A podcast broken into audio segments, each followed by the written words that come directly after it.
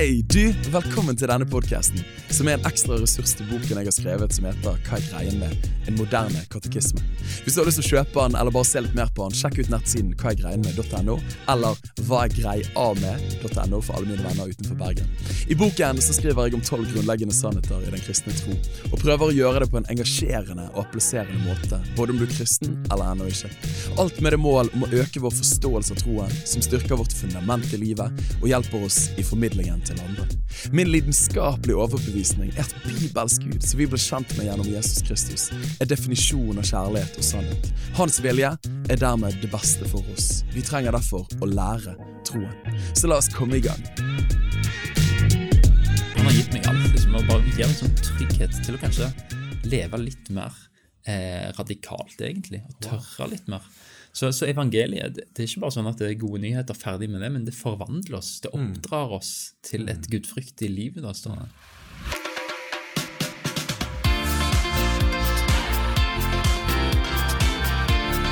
Preach-podkasten med Daniel Sæbjørnsen. Takk for at du lytter inn, stedet der vi ønsker å finne svar som er å sette fri og ikke sette fast.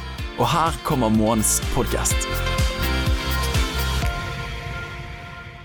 Oh yeah, du, Da er det en glede å kunne få lov til å være tilbake med en ny Preach-podkast. Og eh, i denne måneden her så stiller vi spørsmålet hva er greien med at Jesus døde på korset? Og Tanken bak denne serien er jo, som dere kjenner til, at vi ønsker å løfte opp spørsmål som både kristne og mennesker som ikke tror, kan ha i møte med den kristne troen, for så å presentere liksom noen klassiske eh, kristne sannheter på en forståelig måte. Og i månedens temafilm, hold deg fast, så kommer jeg med liksom en kompresjon av denne sannheten, og der sier jeg følgende at vi tror at, at menneskets synd skiller oss fra Guds hellighet, men på grunn av Guds kjærlighet blir Gud menneske i personen Jesus Kristus, og ved hans død på korset blir han vår stedfortreder og seierherre for alltid. Og da sier salmisten Sela. Og til dette så har vi den store glede av å få lov til å ha med Christian Lilleheim i dag. Jeg må bare si, Er det Lilleheim eller Lilleheim? Lilleheim. Ja, det den, den er inni der. liksom. Ja. For jeg googlet det, og da kom det en E opp der. da. Ja. Eh, Men så syns jeg folk sier Lillheim liksom kjapt. da. Kjapt. Ja, Mitt navn bare skal nevnes i Skal bare være kjapt. Nei. Men det er utrolig stas, det. Ja, veldig gøy å være med.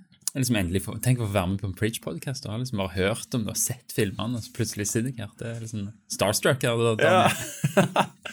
Da er det veldig gjensidig. Det er ingen tvil om det. Eh, Christian er jo en av de som eh, eh, har eh, vært en liksom, sånn toneangivende bibellærer, vil jeg si, i hvert fall for unge studenter i Bergen de siste eh, ti årene. i hvert fall. Eh, Og eh, mange kjenner nok deg. Eh, mange av mine venner satte veldig pris på deg, så da tenkte jeg Vi har jo aldri liksom møttes skikkelig. Nei, vi har jo ikke det. Det er liksom bare sett hverandre altså, i forbifarten så tenker jeg, «Å, jeg må ta en kaffe med Daniel en gang. Ja, Men du drikker jo ikke kaffe igjen, altså. Nei, jeg gjør ikke det. Jeg gjør ikke det. Så det er bare én kaffekopp på bordet her. Men, eh, men du, vi må bli litt kjent med deg for de som ikke kjenner deg fra det ganske land. Men eh, type alder, født, oppvokst eh, 35 år, født eh, i Tanzania, Oi. i Øst-Afrika. Der har jeg vokst opp, faktisk. Jeg eh, bodde der i ti år av min barndom. Så du var født der og bodde de ti første årene der? Nei, ikke de første. Litt sånn fram og tilbake. Ja. Så jeg flytta, flytta hjem igjen til Norge for godt uh, når jeg var 14. Mm, Mm. Så jeg er misjonærbarn. ja. Hva, hva snakker de i Tanzania? Da snakker de swahili. Litt sånn Løvens kongespråk. som er- Og du behersker det? Ja, jeg lærte egentlig samtidig med norsk, så det, var, det sitter liksom uh, inne. Iallfall det uh, barnespråket, holdt jeg på å si. Ja. At jeg kan liksom de ordene der nå. Det er kult, altså.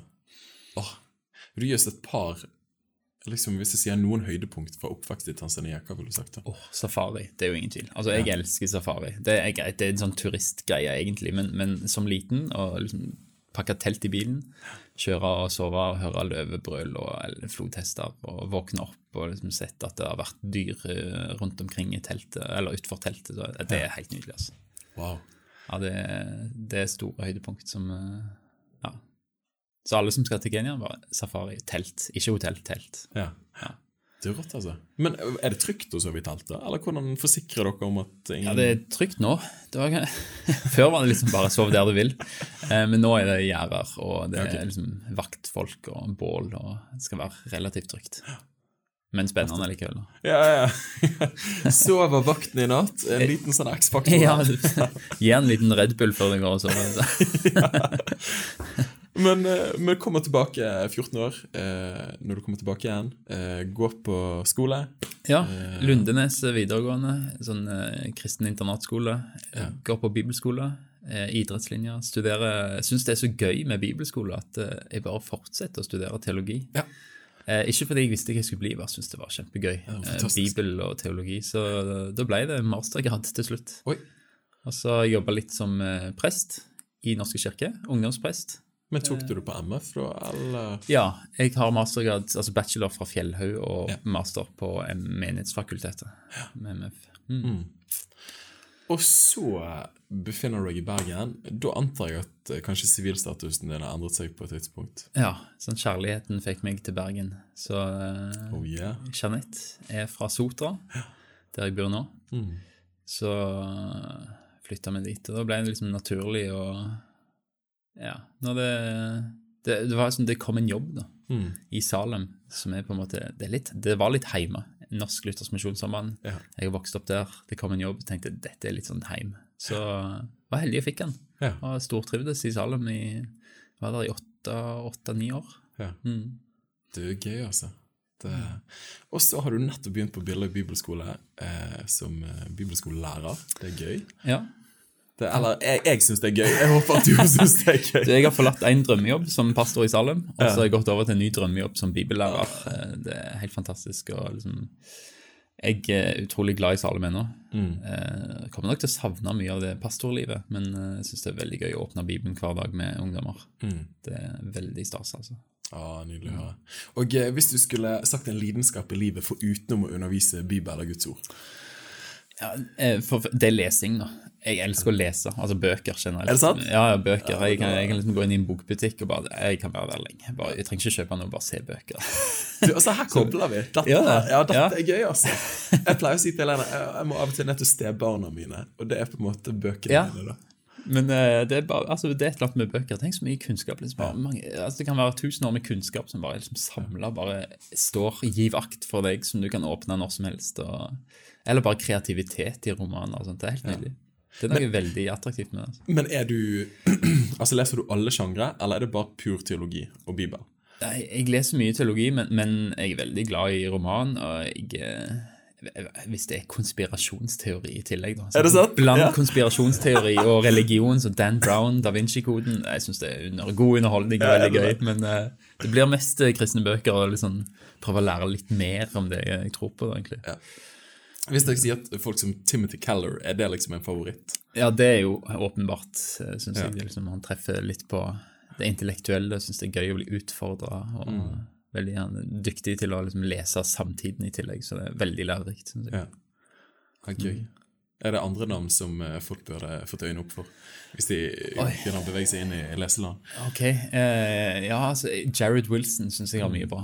Jared C. Wilson. Men uh, det beste jeg har lest det siste året, tror jeg, er Dane Ortlund, som har skrevet uh, en bok uh, som heter Gentle and Lowly, om Jesu hjerte.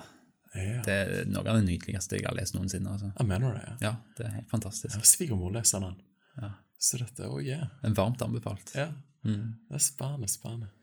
Du, dette var jo en nydelig ingress, altså. Jeg, jeg, fordi Dere kjenner jo meg etter hvert, men jeg elsker jo bøker. Det er jo min store kjærlighet. I sommer så fikk jeg jeg har alltid hatt en crush på en teolog som heter John Stott. Ja. Men en natt så bare gikk jeg bananas. Bare tenkte jeg må bare kjøpe alt av. Så jeg kom til min kone dagen etterpå. I går kveld brukte jeg 3000 kroner, mor. Men eh, det var John så det var verdt det. Så jeg sa er det greit å ha teolog-crusher? Eh, men ja, jeg, jeg har landet på at det er greit. Det er helt ok. Jeg tror det er bra liksom, å lese alt av en eh, teolog som er avdød, og br- bruke han som mentor, for det er så Ja. mye skatter. liksom. Så John Stott er et bra valg. altså. Ja, det har det god, altså. Du, eh, vi hopper rett på sak. Temaet denne måneden her er hva er greia med at Jesus døde på korset. Og eh, de fleste som vokser opp i Norge, eh, har jo hatt kristendomstimer, har sett noen ikonmalerier av Jesus som har et tørkle rundt underlivet, ser litt svensk ut, mm. henger på et kors, og man kan stille seg spørsmålet hva i alle dager er greia med at Jesus døde på korset? Ja, Hva, hva skal vi si da? Det er et stort spørsmål, da. Og hva er greia? Altså, det første jeg tror jeg eh, peker på, er liksom bare ordet synd. da. Eh, rett og slett synd. Og, og vi bruker det som, som bomma på målet. Men, men egentlig så kan det være en sånn bibelsk eh, definisjon også, å bomme på målet. For det står noe om at Gud sier at dere skal være hellige, for jeg er hellig. Eh, og så skriver Paulus da at men alle har synda og mangler Guds herlighet. Altså Vi greier ikke å leve opp til på en måte å være lik Jesus eller å være på en måte så hellig at vi faktisk kan ha en relasjon med Gud uten at det blir farlig for oss. Ja. For han er hellig, og vi, vi, han er perfekt, og vi er ikke det. Eh, og eh, jeg tenker mye liksom, hva, hva er greia med Men tenk himmel, da. sant? Hvis du tenker himmelen, hvorfor, hvorfor er det himmel? Det er fordi Gud tar bort smerte. Han tar bort død, eh, ondskap, lidelse. Så alt det som er vondt på jord, det tar Gud vekk. Og så er det fremdeles det gode, det, det skapte, det, det er liksom det som er overmåte godt. Det er der. Men Gud må ta bort det som gjør vondt, for at det skal være en himmel. Det er godt sagt. Og hvis en da tenker på det, så er det jo hva må Gud ta vekk da? Jo, han må ta vekk mennesker. Det er, jo, Wow. det er jo vi som faktisk fører Altså, vi gjør jo andre mennesker vondt. Vi fører jo Altså, det er jo mennesker som skaper lidelse eh, i verden, eh, som er egoistiske. Og, og hvis, det liksom lages, hvis Gud skal lage en perfekt himmel, så er det jo per definisjon ikke plass til meg der. Wow. Og det er jo et kjempeproblem. Synden som jeg har, det som jeg gjør mot andre mennesker og mot Gud, det gjør at det blir et sånn skille mellom meg og Gud som gjør at jeg kan faktisk ikke være i hans nærhet. Fordi da, da vil jeg ødelagt det hellige, det perfekte. Eh, så synden skiller oss rett og slett fra Gud og gjør meg urein. Eh, og jeg, jeg kan ikke komme vekk fra det, for synden har makt over meg. Altså, jeg, jeg liker det jo litt òg. Jeg er jo en egoist. Jeg syns jo det er behagelig å, å liksom leve for meg sjøl og ikke for andre. og kanskje ja, det, det er litt sånn avhengighetsskapende. Eh, og Jesus sier det at vi er slaver av synd. Eh, og så sier Bibelen at ja, men dette skiller oss fra Gud, og, og faktisk så er det en straff i det. Eh, for Gud er hellig og, og på en måte godtar ikke eh, synd. Syndens lønn er døden. Så det, det er jo egentlig ganske alvorlig. Så når du sier hva er greia med at Jesus døde på korset, så er det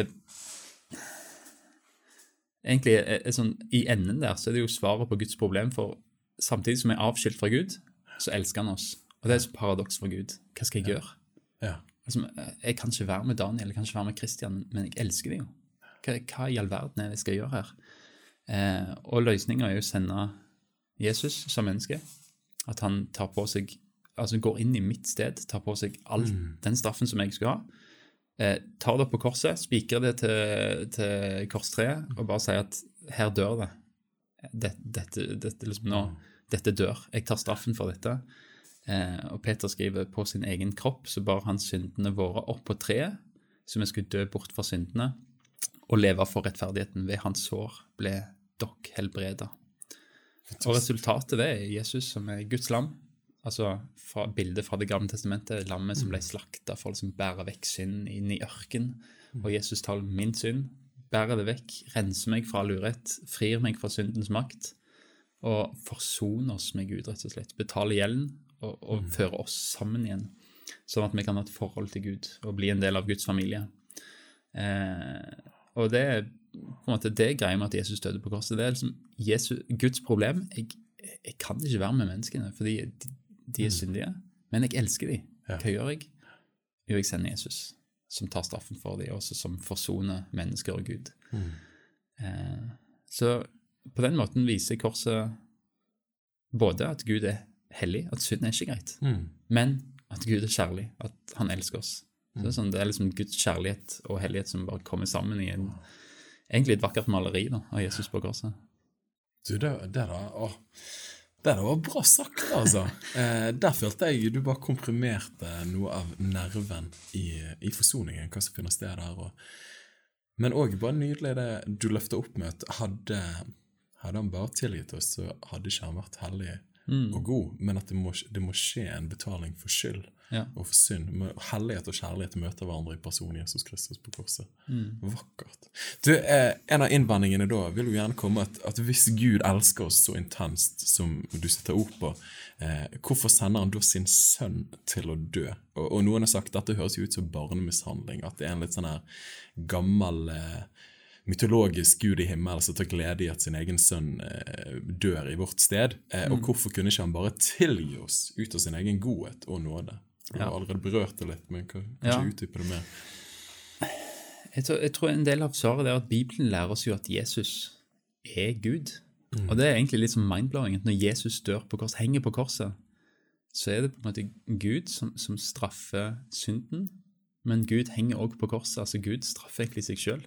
Og, og det står noe i første Mosebok om at det var liksom et sånn rådsmøte i himmelen der liksom la oss, altså Gud, eh, Fader, Sønn og Hellig Ånd, liksom hva, hva skal vi gjøre her?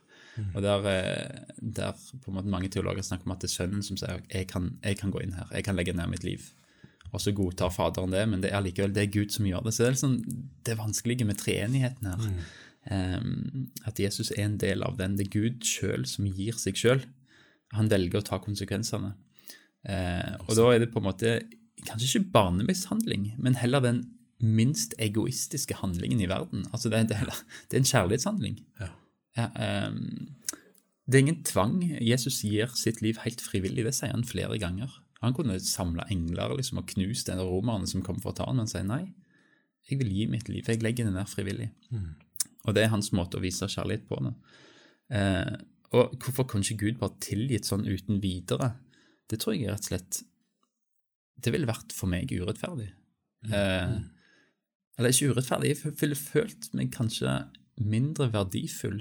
Eh, Et eksempel er hvis du, hvis du har blitt mobba, eh, eller krenka eller opplevd maktmisbruk, og så er det ingen konsekvenser for den som har liksom krenka deg. Det er bare sånn nei, du må tilgi, og så bare går vi videre. Tilgivelsen bare stryker ut absolutt alt. Det er ingen konsekvenser. Ah, Det, det blir ikke straff, det blir ingenting. Da ville jeg følt meg veldig verdiløs, egentlig. At oi, er ikke mitt liv verdt noen ting? Eh, at synden får konsekvenser, det viser oss at mennesker er verdifulle.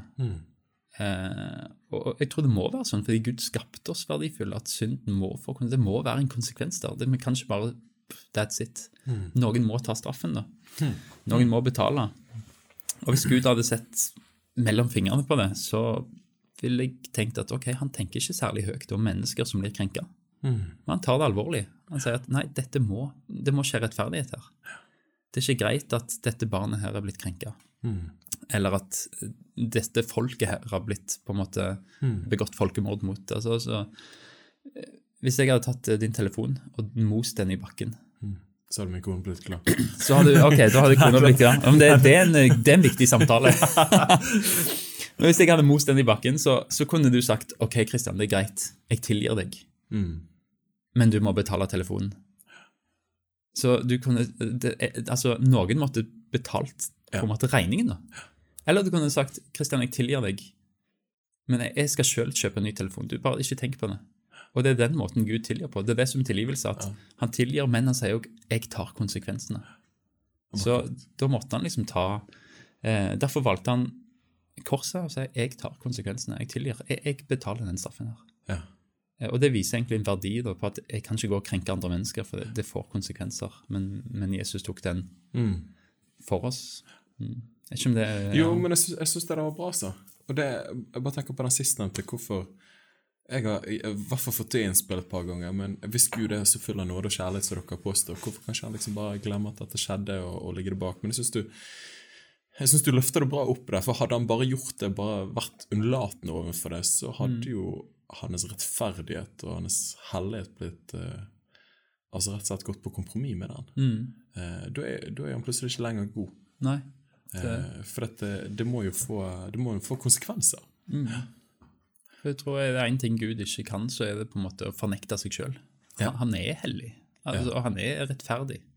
Eh, og han er kjærlig, og alt dette Det er liksom det korset, du, du ser det helt tydelig i korset. Da er det liksom Det er virkelig bare å male Guds karakter da, hele tida. Alt sammen.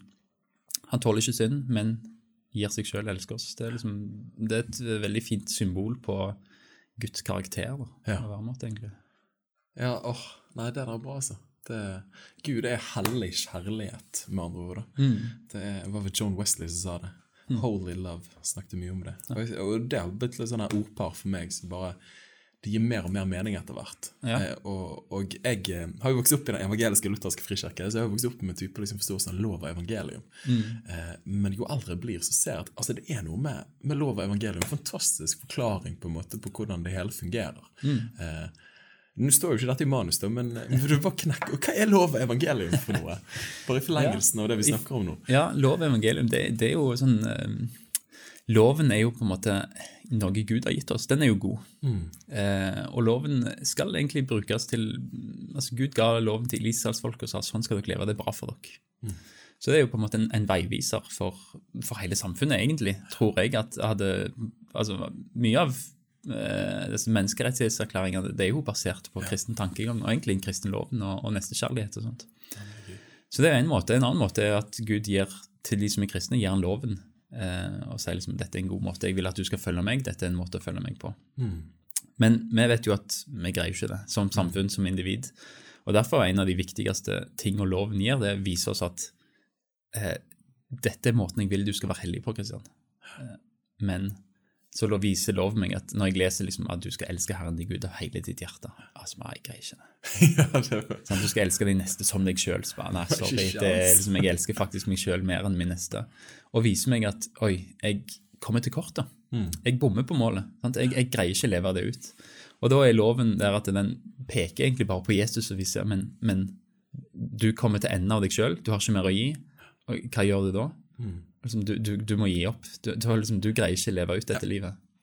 Og så er evangeliet da svaret, eller Guds eh, løsning. Og evangeliet er gode nyheter. Og da, da blander vi ikke gode råd, for da kommer vi inn på loven og sier at ah, du må leve sånn, så skal du bli frelst. Nei, evangeliet bare Jesus døde for deg, tok din straff. Den som tror på han er frelst. Så evangeliet er bare de gode nyhetene som, som på en måte frigjør oss fra, fra, fra den der Kanskje når du innser at du ikke greier å følge loven, og, og blir liksom mm, på en måte mismodig, og sånt, så kommer evangeliet og sier ja, men, ja, men Jesus. Ja.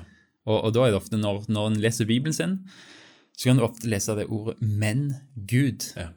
Og det er liksom, når, når, når åpner Bibelen din og leser liksom, oi, her står det mye liksom, at sånn og sånn og sånn var vi før, og, og dette liksom, Men Gud. Ja. Og så kommer bare hva Jesus har gjort for oss. Og det er liksom, Å leve der etter Men Gud, å leve der, det gjør at når, når jeg liksom tenker liksom, ah, jeg er ikke en god kristen, eller sånne ting, så kan jeg tenke ja, men, men Gud, hva gjorde han for meg? Og så, ok, han har fiksa det.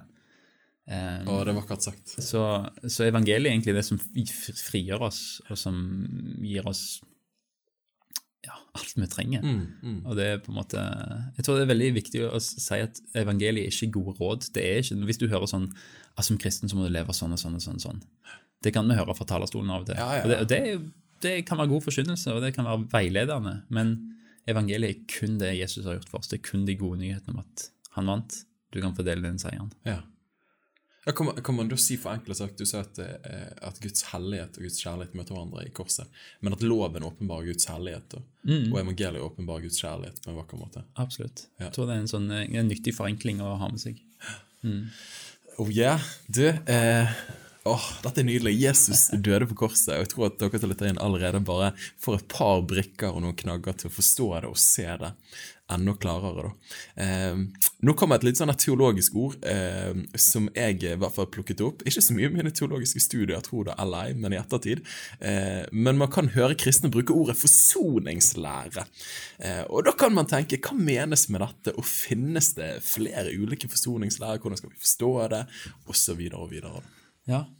Eh, det, det enkleste jeg kanskje sier liksom at du har hørt kanskje at eh, for eksempel et barn eller en sønn da har liksom tatt avstand fra foreldrene, det har vært liksom dårlig stemning, og liksom, jeg vil ikke ha noe med de å gjøre, eller eh, søsken etter et arveoppgjør, og liksom krangel i familien når de bare tar avstand fra hverandre. Da snakker vi om at de må forsones for å hjelpe oss. Det handler om å komme sammen igjen etter et brudd, eh, etter et relasjonsbrudd. Så forsoningslæren det er jo egentlig læren om hvordan mennesker og Gud på en måte forsones da, og, Ja. og kan, kan finne tilbake igjen til den relasjonen som Gud skapte oss til. Eh, og det en sånn forenkling av, av det ordet. da, og Du spør om det fins flere forskjellige tanker, og og det gjør det jo. Opp gjennom eh, kristendommen så har det vært forskjellige teorier eller tanker om hvordan dette skjer. Da har du først den objektive forsoningslæren, som jeg egentlig har snakka litt om i dag, som, som hovedsak at synd eh, krever straff. Syndens lønn er, døden, skriver Paulus, eh, og at Jesus tar den for oss. Eh, utgangspunktet er liksom at, eh, at mennesket må gi en erstatning da, til Gud for, for alt det gale vi har gjort, men vi har, vi har ingenting å betale med. Vi, vi, liksom, vi er konkurs moralsk åndelig, og vi, har rett og slett ingenting å gi. Er at Jesus blir menneske for oss og velger å ta den straffen for oss. Ja, wow. Eh, så det er jo den, den objektive forsoningslæren der um, altså ja, Objektivt kan vi si at Gud er objekt. altså Gud må forsone. altså Vi må på en måte betale en straff til Gud, og det er Jesus som gjør det. Eh, Men det er kanskje den mest vanlige, Ja. eh, altså populære eh, forståelsen av forsoning, er ikke det? Som Mm. Jo. jeg føler i hvert fall jeg har vokst opp med. Ja, Ja. og det er den, den som jeg, jeg tror at når vi leser Nytestamentet og leser Paulus, så tenker jeg at liksom det, det, eh, den objektive forsoningslæren det er liksom den merkelappen som en har satt på den typen mm. teologi da, som jeg tenker vi finner i Nytestamentet i, i hovedsak. Uh, og så er det en som heter liksom, Når vi har et objektiv, så har vi subjektiv. Dette er jo grammatikk, liksom, så uten at vi skal gå inn på det. Men den subjektive forsoningslæren. Og da, da er det noen som tenker at ah, det er vanskelig å forstå at Gud skal straffe. altså. Det er vanskelig å forstå at Gud skal dømme. At han skal være så streng. Eh, og da, da ser de at problemet er ikke altså, tenker de at nei, Gud er ikke streng. Gud er bare kjærlighet. Eh, problemet, altså, det er ikke det at Gud skal dømme oss, men at vi mennesker er redd for Gud. Vi har en feil oppfatning av Gud. Og så de at, eller så tenker de at ja, Gud sendte Jesus for å vise kjærlighet, for å vise at nei, jeg er ikke farlig. Er- så, så, eh, så Jesus dør for å vise at Gud elsker oss, en sånn kjærlighetshandling. Eh, Men da er liksom eh, forsoningen da går på at mennesker må oppdage at de, de tenker feil, og de må tenke riktig om Gud. Eh, og at vi må endre vår oppfatning.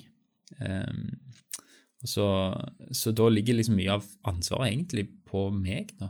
Og, og, og det, det, da tenker jeg at for meg så er det liksom, det har vært litt problem, problematisk med det at oi, jeg må forstå noe. Jeg, jeg må fatte noe. liksom At jeg må tolke Det er ikke Gud som handler, men, men jeg må endre noen tanker. Mm. og da, da ser jeg at plutselig så er det ikke det rene evangeliet lenger. at Da må jeg gjøre noe for at det skal bli godt mellom meg og Gud. Mm.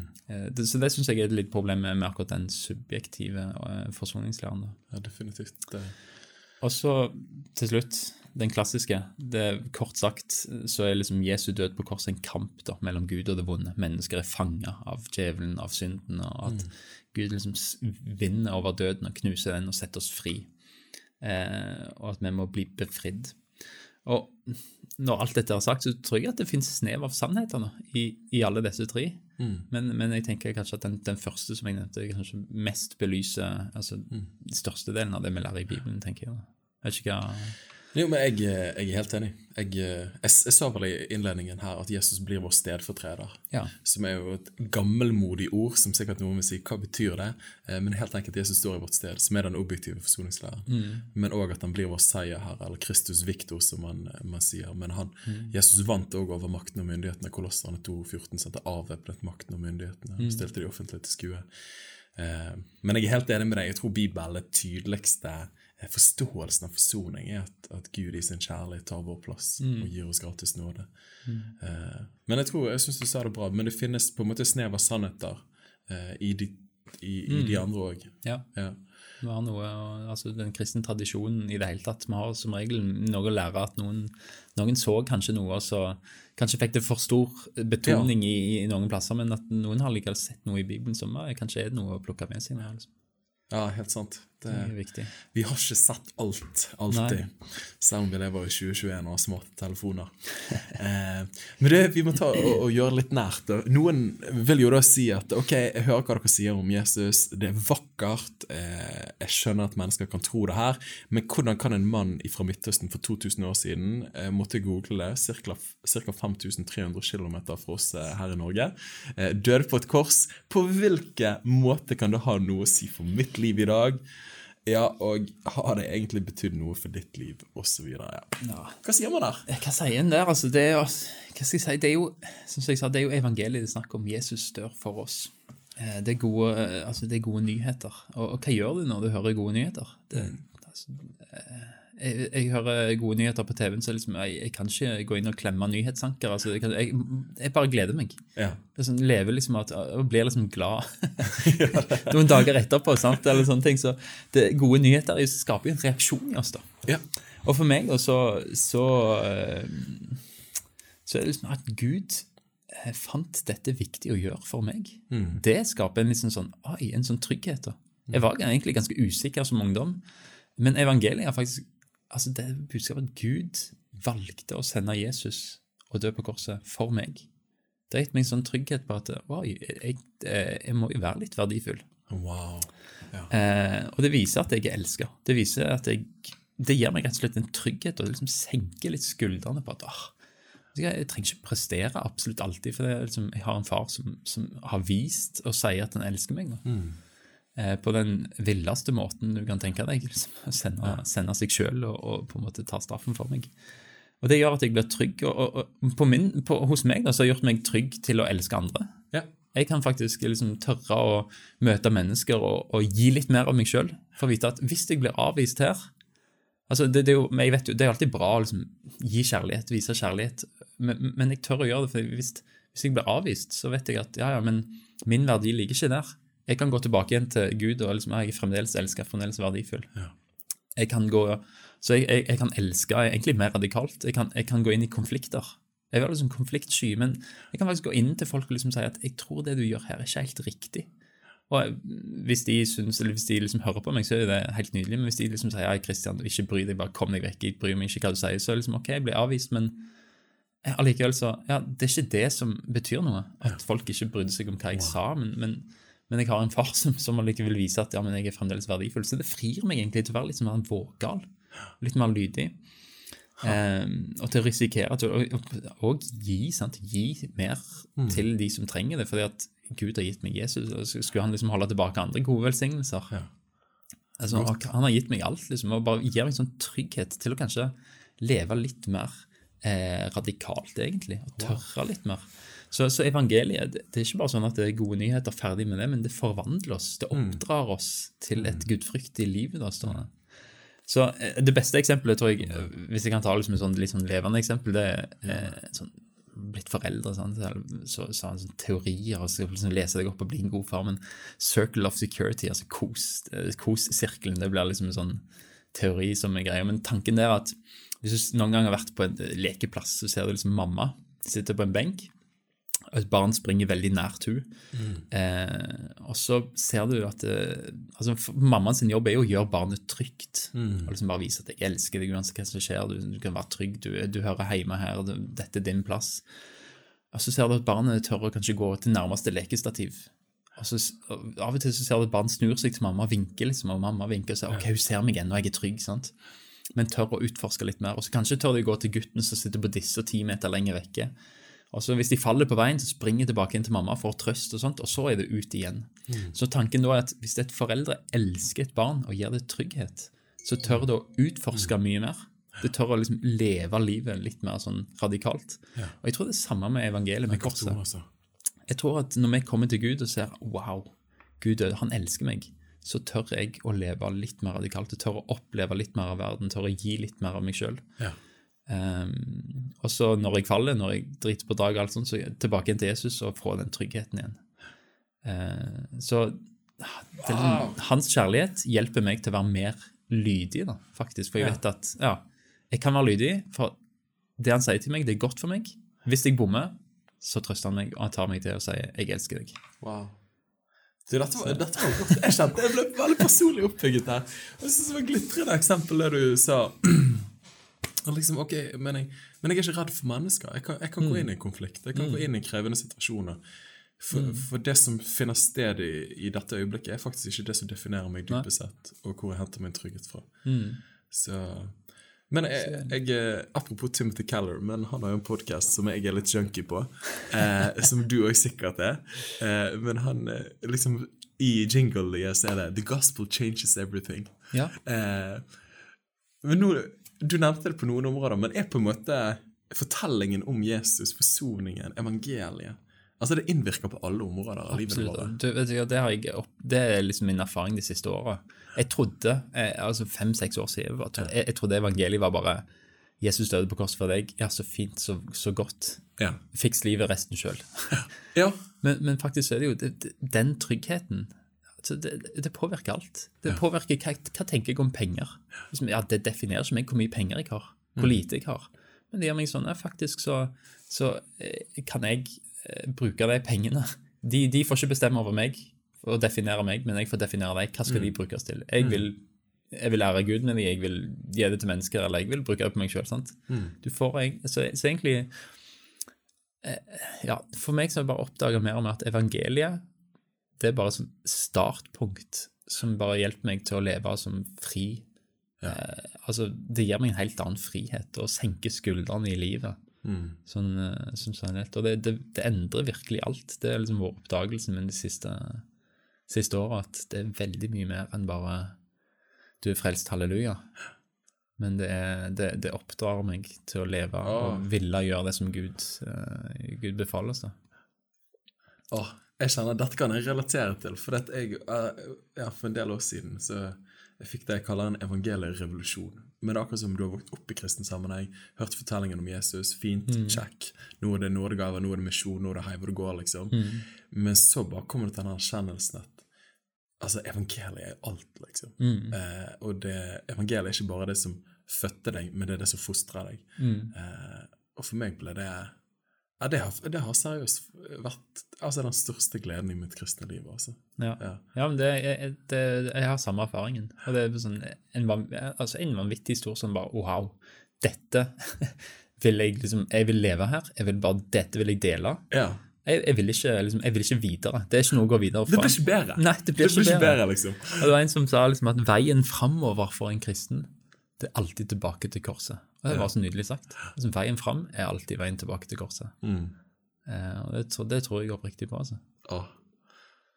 Man blir aldri uteksaminert av evangeliet. Nei.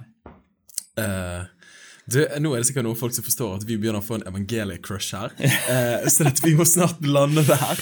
Men, eh, men for de som lytter inn, og, og som har lyst til å høre ok, Jesus forsonte meg med Gud, han har åpnet veien, eh, han har kommet med evangeliet, de gode nyhetene.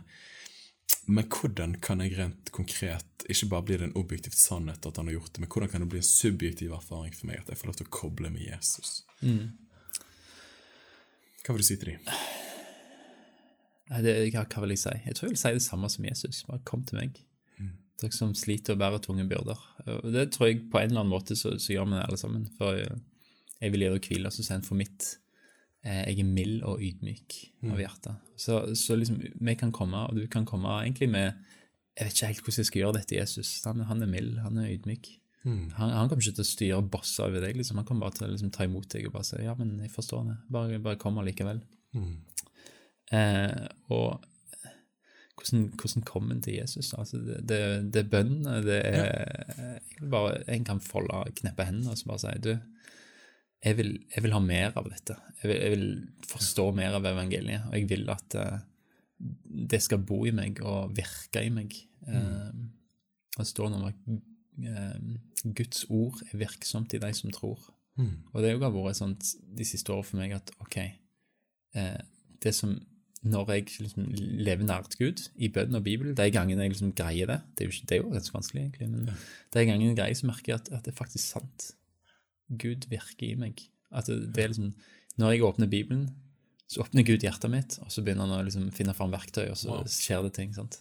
Godt sagt. Eh, så, så ja, kom til han, altså bønn, Bibel, åpne han, la han bare be om at eh, ja, at du kan få lys over alt det underfoldet som står der. Eh, så tror jeg Den hellige ånd vil svare på det. altså. Eh, og ikke tenke at ok, nå har jeg hørt Daniel og Kristian, nå skal jeg skjerpe meg. Nå skal jeg bli den gode kristne. Men bare tenk at ok, dette, dette lengter jeg etter, men hvordan vil du gjøre det i mitt liv, Jesus? Mm. Eh, så tror jeg at han vil og hvis du er der liksom at jeg vil gripe mer av dette, så tror jeg at det er sant fordi at Jesus allerede har grepet ditt hjerte. liksom. Ja. At han har gjort noe i deg, og at det bare omfavner og bare, bare, bare liksom følg, hva, hva kaller Gud meg til nå? Bare følg den. egentlig. Oh ja, kom til Jesus. Kom til Jesus. Å, det er vakkert. Det er vakkert. Du, eh, Kristian, tusen, tusen takk for disse øyeblikkene. Eh, dette var en treat, eh, og eh, jeg er sikker på at eh, jeg merker at mitt hjerte eh, er berørt, og at metode er beriket. Og, og da tror jeg det er for flere. Så tusen, tusen takk. Du, takk for at du fikk være med. Veldig stas.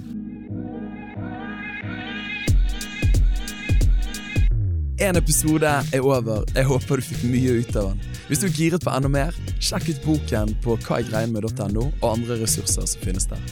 Og til slutt har jeg lyst til å dele bibelverset som har vært min drivende motivasjon bak det hele prosjektet, som er Paulus sine ord til Timoteus. Gi nøye akt på deg sjøl og på læren. Fortsett med det, for når du gjør det, skal du frelse både deg sjøl og de som hører deg. 1. Timoteus 4,16. Så la oss lære å leve troen til liv for verden.